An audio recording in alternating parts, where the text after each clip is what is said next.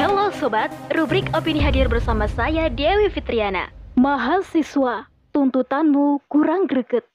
Oleh Novia Darwati, SPD. BEM-SI kembali berisik. Pada tanggal 11 April 2022, mereka menggelar aksi demo. Aksi tersebut bertujuan menuntut wakil rakyat dalam empat perkara utama. Yang pertama, mendesak dan menuntut wakil rakyat agar mendengarkan dan menyampaikan aspirasi rakyat, bukan aspirasi partai. Kedua, mendesak dan menuntut wakil rakyat untuk bertemu rakyat sebagaimana aksi massa yang telah dilakukan dari berbagai daerah mulai tanggal 28 Maret 2022 sampai 11 April 2022.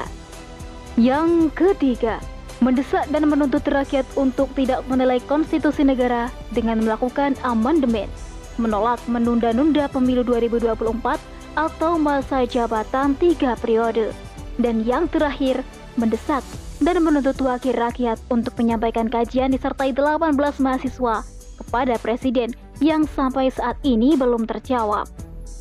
Adapun 18 aksi yang dimaksud adalah 6 tuntutan pada 28 Maret 2022 dan 12 tuntutan pada 21 Oktober 2021.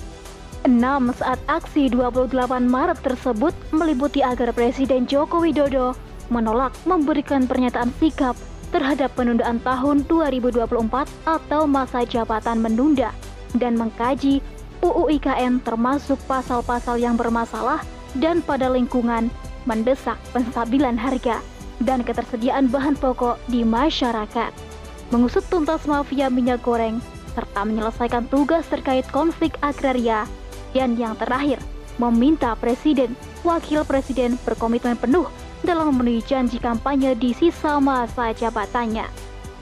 Sedangkan 12 tuntutan yang disampaikan pada aksi 21 Oktober 2021 meliputi perkara UU Cipta Kerja, pertumbuhan ekonomi, pengembangan SDA dan SDM, kebebasan berpendapat, HAM, KPK, afirmasi PPK, kualitas pendidikan, independensi Badan Standar Nasional, Minerba, energi baru, terbarukan, dan UU pornografi.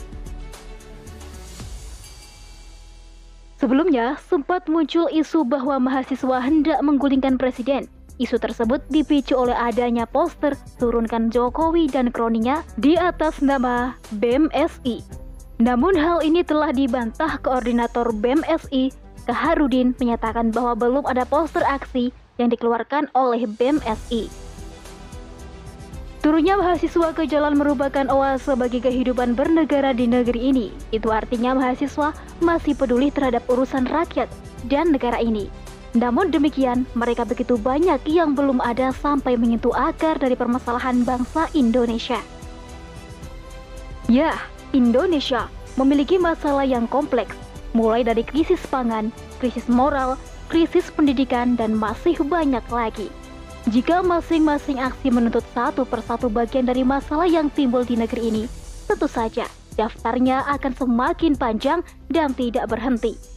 Oleh karena itu, seyogyanya penyelidikan yang diajukan mahasiswa pada pemerintah adalah penyelidikan yang membahas akar masalah. Jika menemukan dan tercabut akar masalahnya, maka problem-problem cabang yang bermunculan akan hilang satu persatu. Agar masalah dari munculnya permasalahan misalnya tentang ketentuan periode masa, kelangkaan atau tingginya harga minyak goreng, keadilan atas nama HAM, perkara korupsi, pornografi, dan lain-lain, semua itu disebabkan oleh satu masalah mendasar, yakni aturan yang dipakainya manusia serta mengabaikan aturan Tuhan semesta alam Allah Subhanahu wa taala. Tidak bisa dimungkiri bahwa manusia beserta alam semesta dan isinya dibuat oleh Tuhan Sang Pencipta. Maka, sebagaimana ponsel yang dibuat oleh produsennya, produsennya pun memberi buku panduan penggunaan ponsel tersebut sebab yang mengetahui seluk-beluk tentang ponsel itu tentu saja produsen itu sendiri.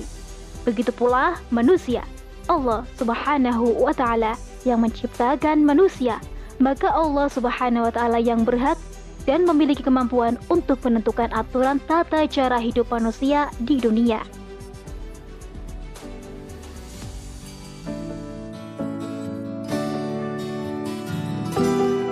Islam adalah agama yang berbeda dari agama lainnya, selain sebagai ritual agama yang memiliki tata aturan cara penyembahan kepada Tuhan Yang Maha Esa, Islam juga merupakan ideologi ia memiliki aturan kehidupan yang sempurna dan paripurna baik dalam perkara beragama, kehidupan sehari-hari maupun bernegara.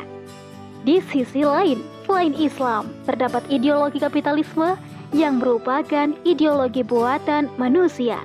Semua tata aturan dalam ideologi yang menciptakannya adalah manusia. Tata aturan dalam ideologi kapitalis inilah yang sekarang dipakai di Indonesia. Jika suatu aturan dibuat oleh manusia, aturan tersebut rawan ditunggangi oleh kepentingan masing-masing orang. Oleh karena itu, aturan manusia selalu menghasilkan kesengsaraan. Misalnya, condongnya aturan pada kaum kapital sehingga harga-harga kebutuhan hidup dimonopoli. Jabatan-jabatan hanya untuk mengisi kantong sendiri, bukan untuk memperhatikan dan mengurus urusan rakyat kecil dan sebagainya. Jadi, jika menuntut pemerintah hanya pada permasalahan-permasalahan cabang saja, tentu saja tidak akan mengubah negara yang sejahtera secara hakiki. Tuntutannya kurang greget, tuntutlah akar masalahnya, bukan cabang masalahnya. Tuntutlah perubahan secara menyeluruh, yakni perubahan sistem, bukan perubahan parsial.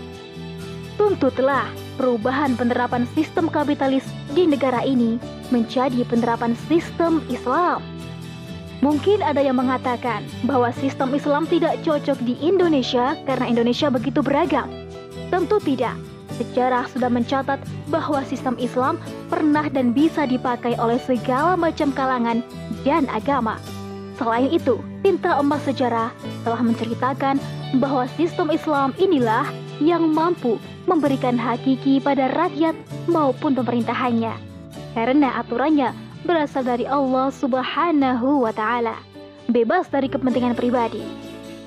Ayo mahasiswa, naikkan tuntutan Anda ke tingkat yang lebih tinggi, yakni menuntut perubahan revolusioner, perubahan sistem menuju sistem Islam yang menyejahterakan.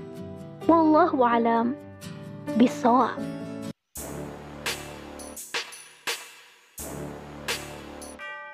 Sekian rubrik opini kali ini. Sampai jumpa di rubrik opini selanjutnya. Saya Dewi Fitriana dan wassalamualaikum warahmatullahi wabarakatuh.